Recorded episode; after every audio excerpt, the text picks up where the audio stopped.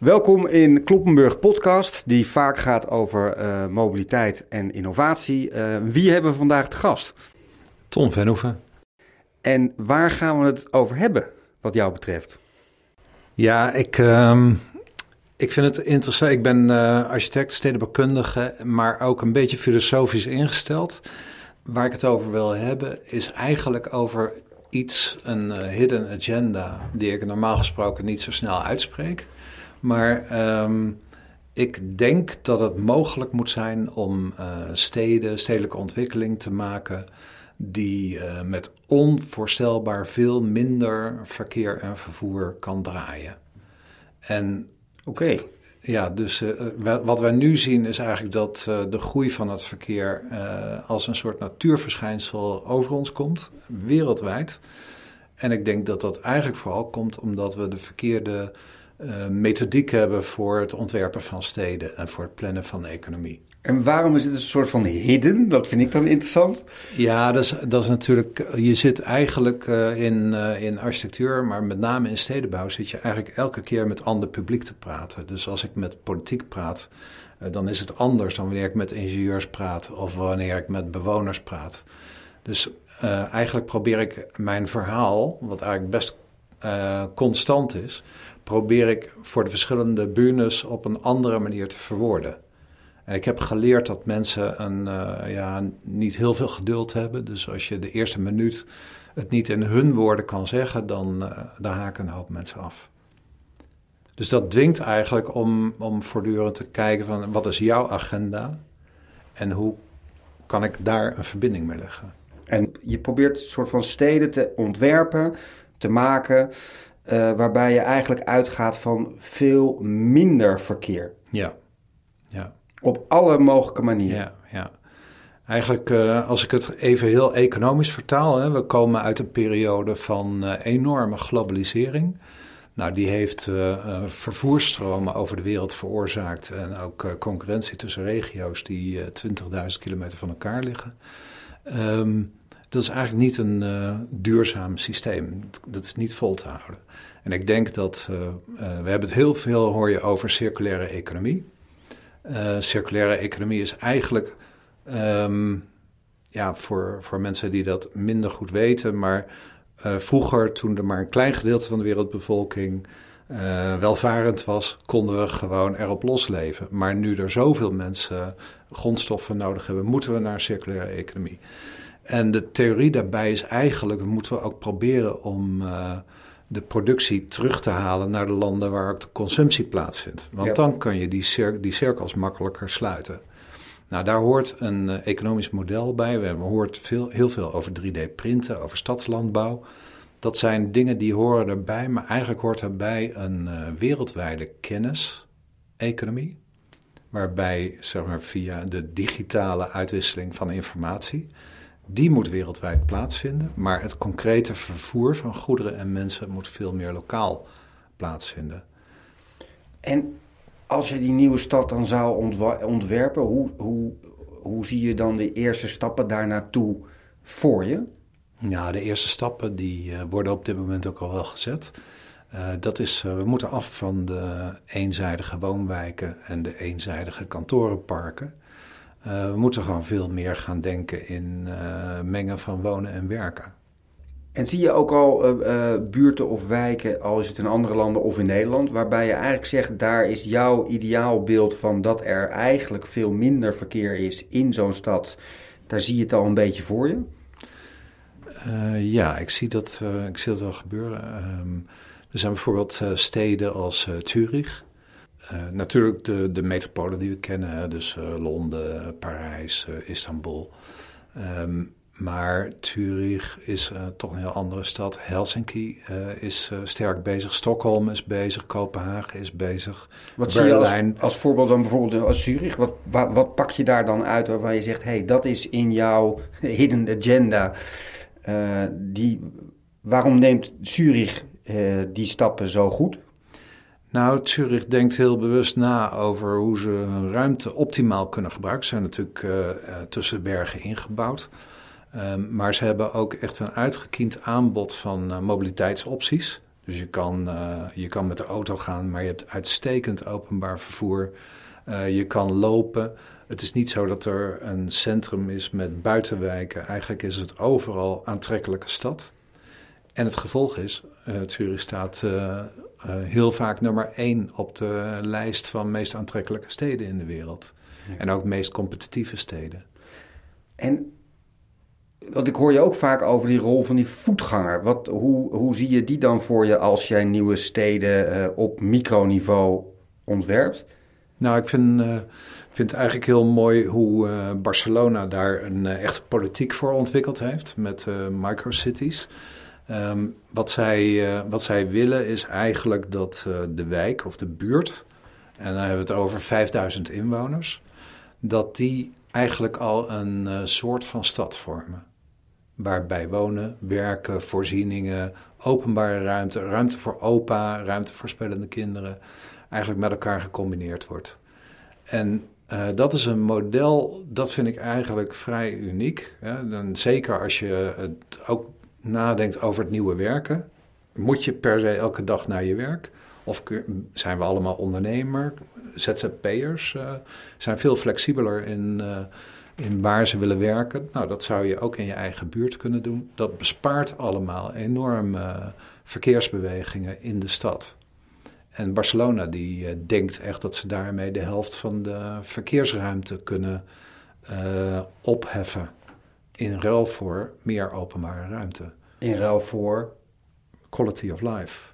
Maar groen, uh, speelplaatsen. Ja, alles, alles, alles. En dat heeft dus ook te maken met bomen waarmee je bijvoorbeeld heat island effect kan tegengaan. Uh, zorgen voor infiltratie van regenwater in de bodem, wat belangrijk is voor de huishouding, waterhuishouding. Um, ja, in Beijing heb je ook zoiets. Dat is eigenlijk een vergelijkbaar model. En dat is van oudsher hebben ze daar het model van de Hutong. En de Hutong, die, uh, dat is eigenlijk een gebied van golfweg. Een, een, het varieert een beetje in maat, maar 300 bij 500 meter. Ja. En daar uh, komen in principe geen auto's. Dus daar lopen mensen gewoon over straat. Uh, veel huizen hebben ook niet eens eigen wc en douche. Dus uh, opa die loopt ook in zijn kamerjas over straat om naar de douche te gaan. Um, en, ik ken deze wijk niet, maar is dit dan een mega achterstandswijk? Of nee, dit is gewoon echt. De, op dit moment wordt dat. Uh, ge, dat is eigenlijk vergelijkbaar met de Jordaan qua sfeer. Maar dan uh, echt supermenging van uh, wonen, werken. Okay. Hotels zitten erin, er zitten ja, tempels zitten erin.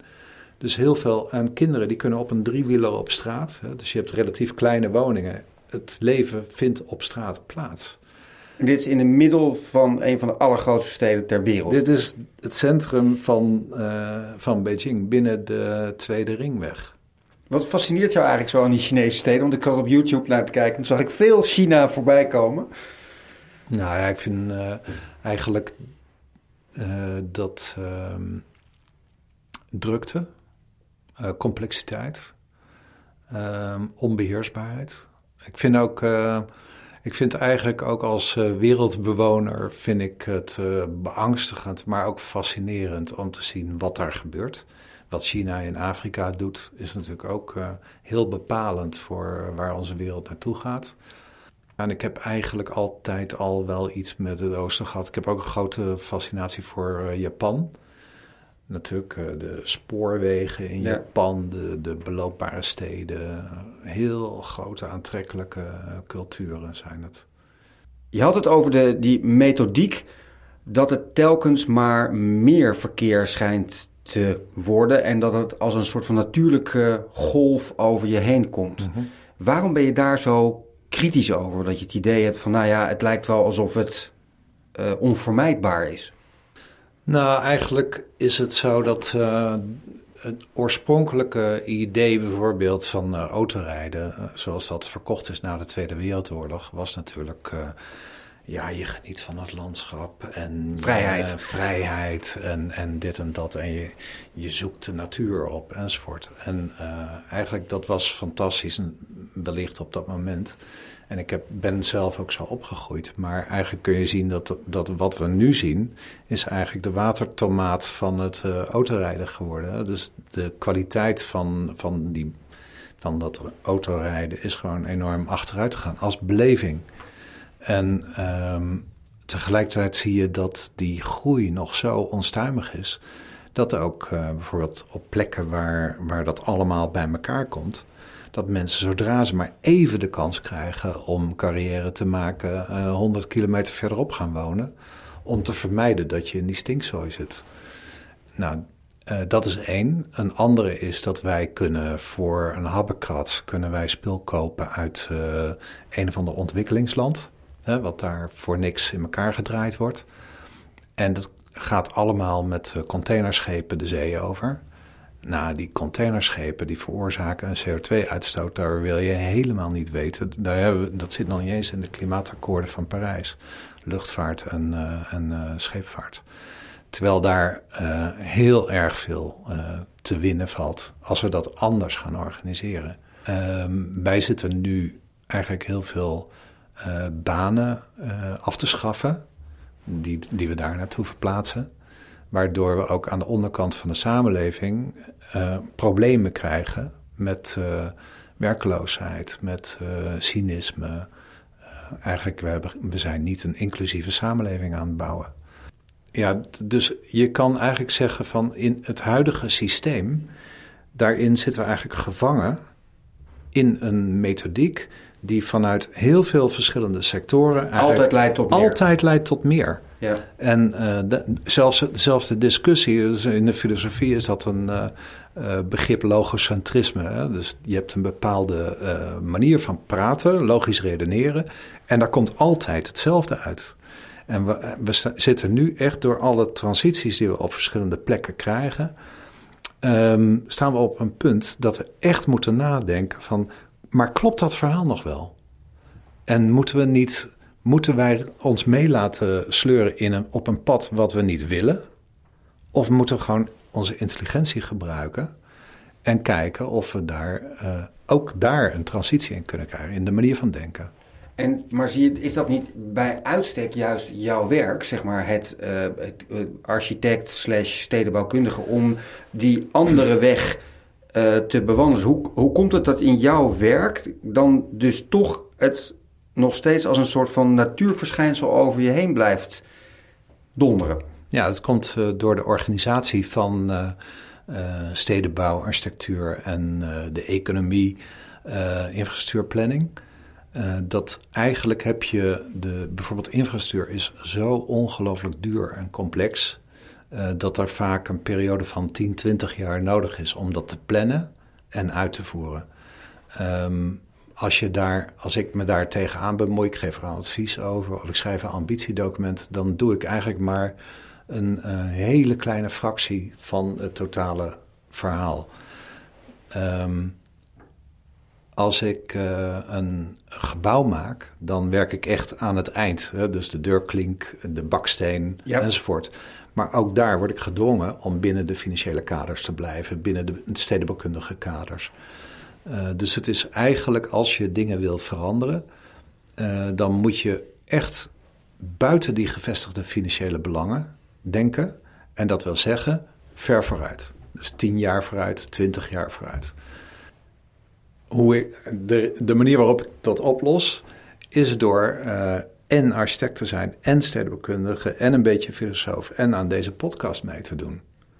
Want het is gewoon, dat zeg ik, uh, dat, zo ziet mijn dag eruit. Tussen lange termijn, korte termijn, uh, heel pragmatisch, heel filosofisch.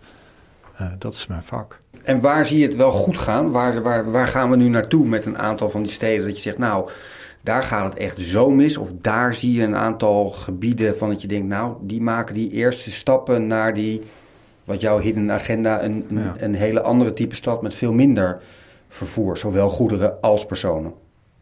Ja, ik, uh, ik ben eigenlijk op dit moment heel optimistisch.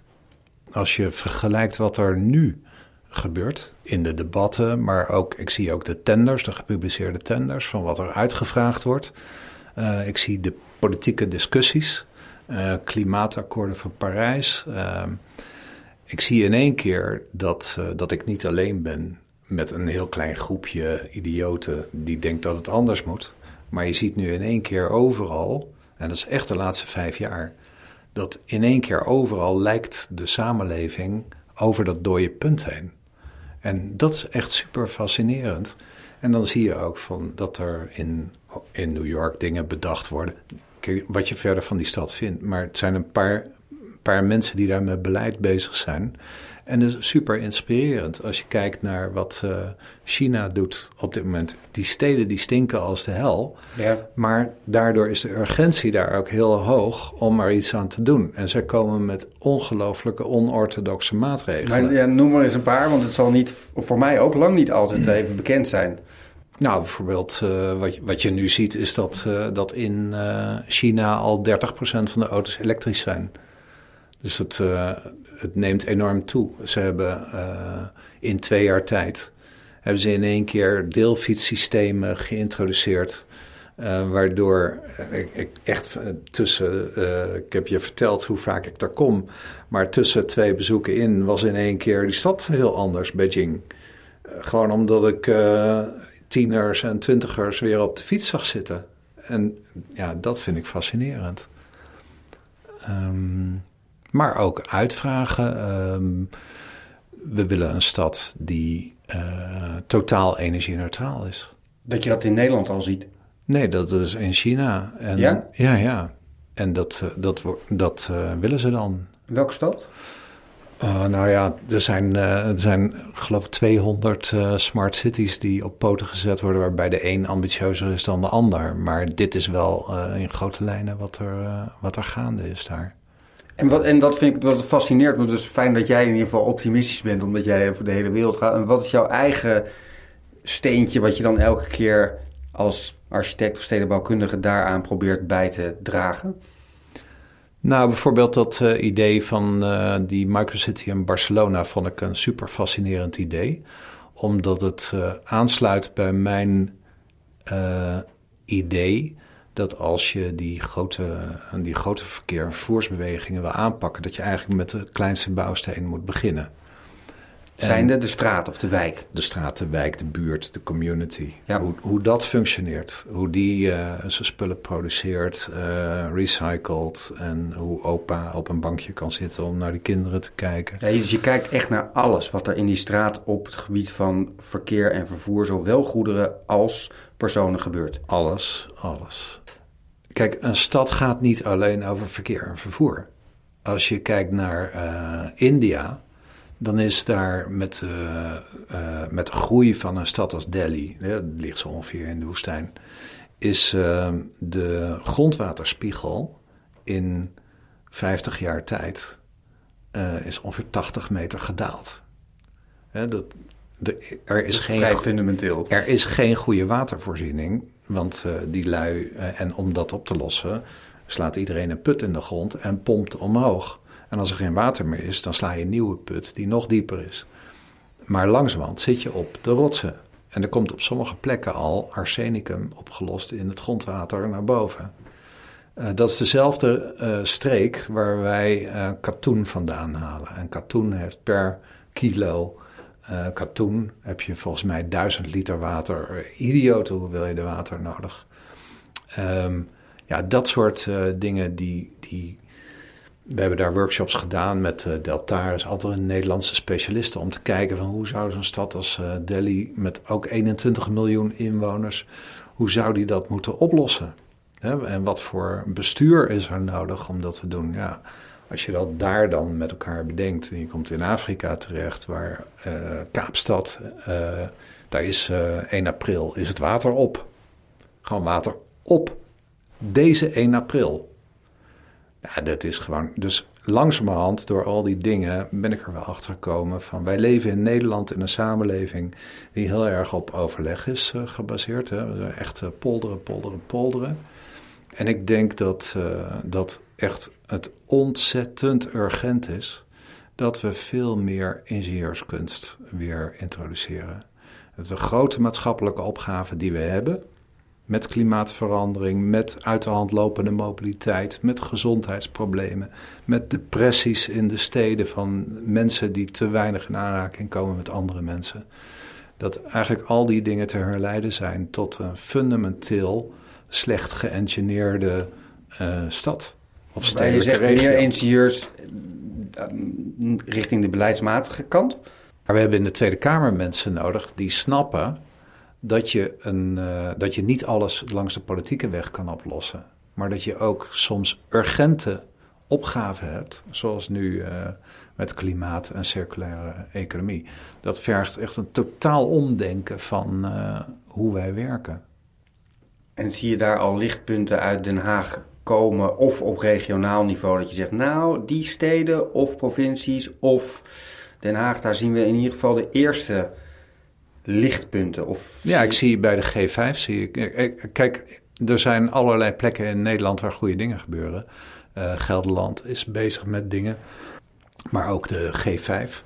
En dan de een heeft meer een focus op uh, uh, bijvoorbeeld havenlogistiek of Rotterdam-Zuid. Weet je wel, hoe kun je die samenleving meer inclusief maken? Eindhoven heeft meer sjoegen van hoe ga je dat smart organiseren met technologie. Amsterdam is natuurlijk met, uh, ja, met AMS hebben ze heel veel in huis.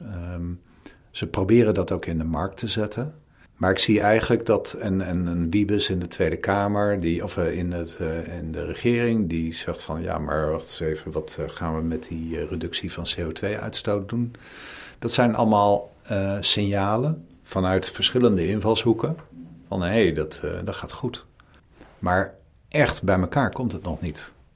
Hoe denk je dat Nederland, want je ziet die metropool uh, Nederland eigenlijk voor je, hoe denk je dat Nederland dan een leidende rol kan vervullen uh, om deze grootstedelijke problematiek, of eigenlijk wereldwijde problematiek, op te lossen? Nou, ik denk, uh, ik denk dat Nederland zeker veel te bieden heeft. Het is een super interessant laboratorium, omdat de dingen zo dicht bij elkaar zitten. Een aantal problemen heel expliciet zijn maar we ook steenrijk zijn en die problemen kunnen oplossen. Um, maar een aantal dingen worden in het buitenland echt beter aangepakt. Dus Zoals? wij, nou ja, bijvoorbeeld de manier waarop uh, Transit-Oriented Development, zo heet dat, dus uh, metro's en stations en zorgen dat je je stad daar goed omheen plant. Dat, uh, daar zijn andere landen beter in. Ik vind dat Singapore, uh, Zurich, uh, Helsinki, Kopenhagen, Stockholm zijn allemaal een stuk volwassener op dat gebied. Mo het, mobiliteitsgebied. Ja, en op het andere vlak van waar vind je dat Nederland het juist wel heel goed doet? Nou ja, ik vind, ik vind kennisontwikkeling, innovatie is in Nederland heel sterk. We zijn chaos, maar we zijn ook in concurrentie met elkaar, waardoor er heel veel gebeurt. Um, wij zijn natuurlijk hartstikke goed in water. Echt heel goed in water. We zijn heel goed in logistiek. Logistiek is uh, top in de wereld. We waren heel goed in planning. Uh, echt, uh, ik hoor in China nog steeds mensen en in India ook die vol bewondering zijn over de Nederlandse planning. Maar die zijn de afgelopen. En planning is dat dan ruimtelijke planning? Ruimtelijke planning, ja, planologie. Um, en ja, die zijn de afgelopen twintig jaar niet in Nederland uh, geweest. En die hebben niet gezien hoe het eigenlijk achteruit gerold is. En um, ja, dus er zijn andere landen uh, op, andere onder, op verschillende onderdelen. Het ene uh, kun je zien in Californië, het andere kun je zien in China, weer een ander kun je zien in Afrika. En het is echt zo dat de oplossingen voor de problemen waar de wereld voor staat, zijn, zijn er. Die zijn er. Dus het gaat echt om een intelligent combineren van de dingen, van de technologieën en de, en de planningsoplossingen die er zijn. Um, maar er zijn wel een paar uh, hobbels waar wij tegenaan lopen. Bijvoorbeeld op economisch gebied hebben wij te maken met uh, dat het fundament van Europa eigenlijk neoliberaal is. Uh, dus het is het, eigenlijk staat planning staat eigenlijk altijd in een verdacht licht. En terwijl eigenlijk we het van de planning zouden moeten hebben. Ik denk dat we meer uh, coöperatief moeten denken. Ook aan coöperatieve economische modellen. Um, maar Nederland met zijn logistieke kennis, uh, met zijn markten, open markten. Dus, ja, het is een beetje een contradictie, lijkt het, hè? coöperatief, maar toch ook markt. Ehm, is wel in staat om, om de juiste combinaties te maken. En ik denk dat uh, Nederland, ja, dingen kunnen in Nederland uitgetest worden. Uh, omdat we ook die idiote kennisdichtheid hebben. Dus er zijn heel veel instituten die hier bij elkaar zitten.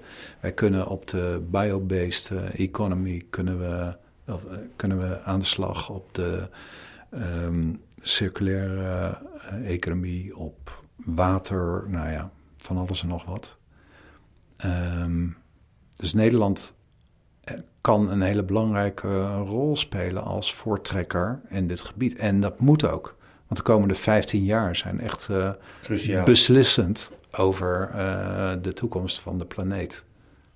Nou, dat is, dat is in ieder geval een mooi, een mooi einde dat wij in ieder geval vanuit dat kleine Pieterpeuterige Nederland en met onze kennis en know-how dan in ieder geval een bijdrage kunnen leveren. Dank voor jouw deelname aan deze podcast. Ja, nou graag gedaan. Dank voor het luisteren naar uh, Kloppenburg podcast uh, met vandaag de gast Ton Venhoeven, uh, architect en stedenbouwkundige. Als je feedback wil geven, mail naar geert.geertkloppenburg.nl. Dank voor het luisteren en graag tot een volgende keer.